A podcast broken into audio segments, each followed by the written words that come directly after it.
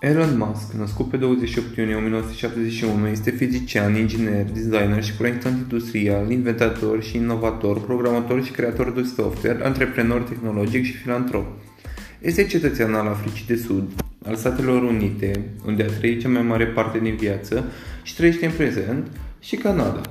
Musk este fondatorul, directorul general și inginerul șef a SpaceX, cofondator, director executiv și arhitect de produs al Tesla fondatorul de Boring Company, cofondator al Neuralink și cofondator și inițiatorul co-președinte al Consiliului de Administrație al OpenAI. A primit premiul Fellowship of the Royal Society în 2018, în decembrie 2016 se afla pe locul 21 în lista Forbes a celor mai puternice persoane ale lumii și a obținut primul loc pe lista Forbes a celor mai inovativi lideri din 2019. Are o valoare netă de 27,9 miliarde de dolari și este considerat de Fares pe locul 20 în topul celor mai bogate persoane din lume.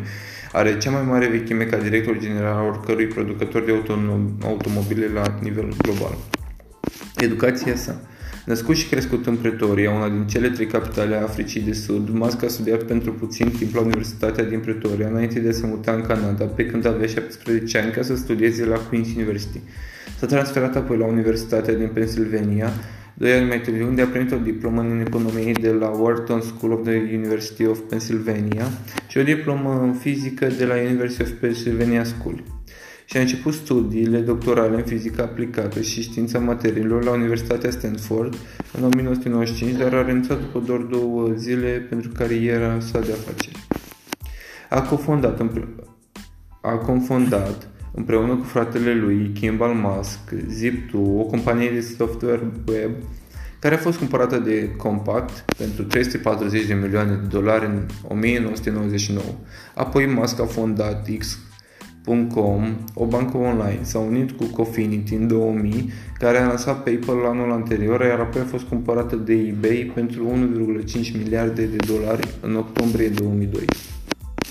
În mai 2002, Musk a fondat SpaceX, o companie de producție aerospațială și de servicii transport în spațiu, în cadrul care este CEO și proiectant șef. S-a alăturat Tesla, producător de vehicule electrice în 2004, anul de fondare și atât CEO cât și arhitect de produse. Acesta a fost Elon Musk și tot ce m-am documentat despre el. Vă mulțumesc!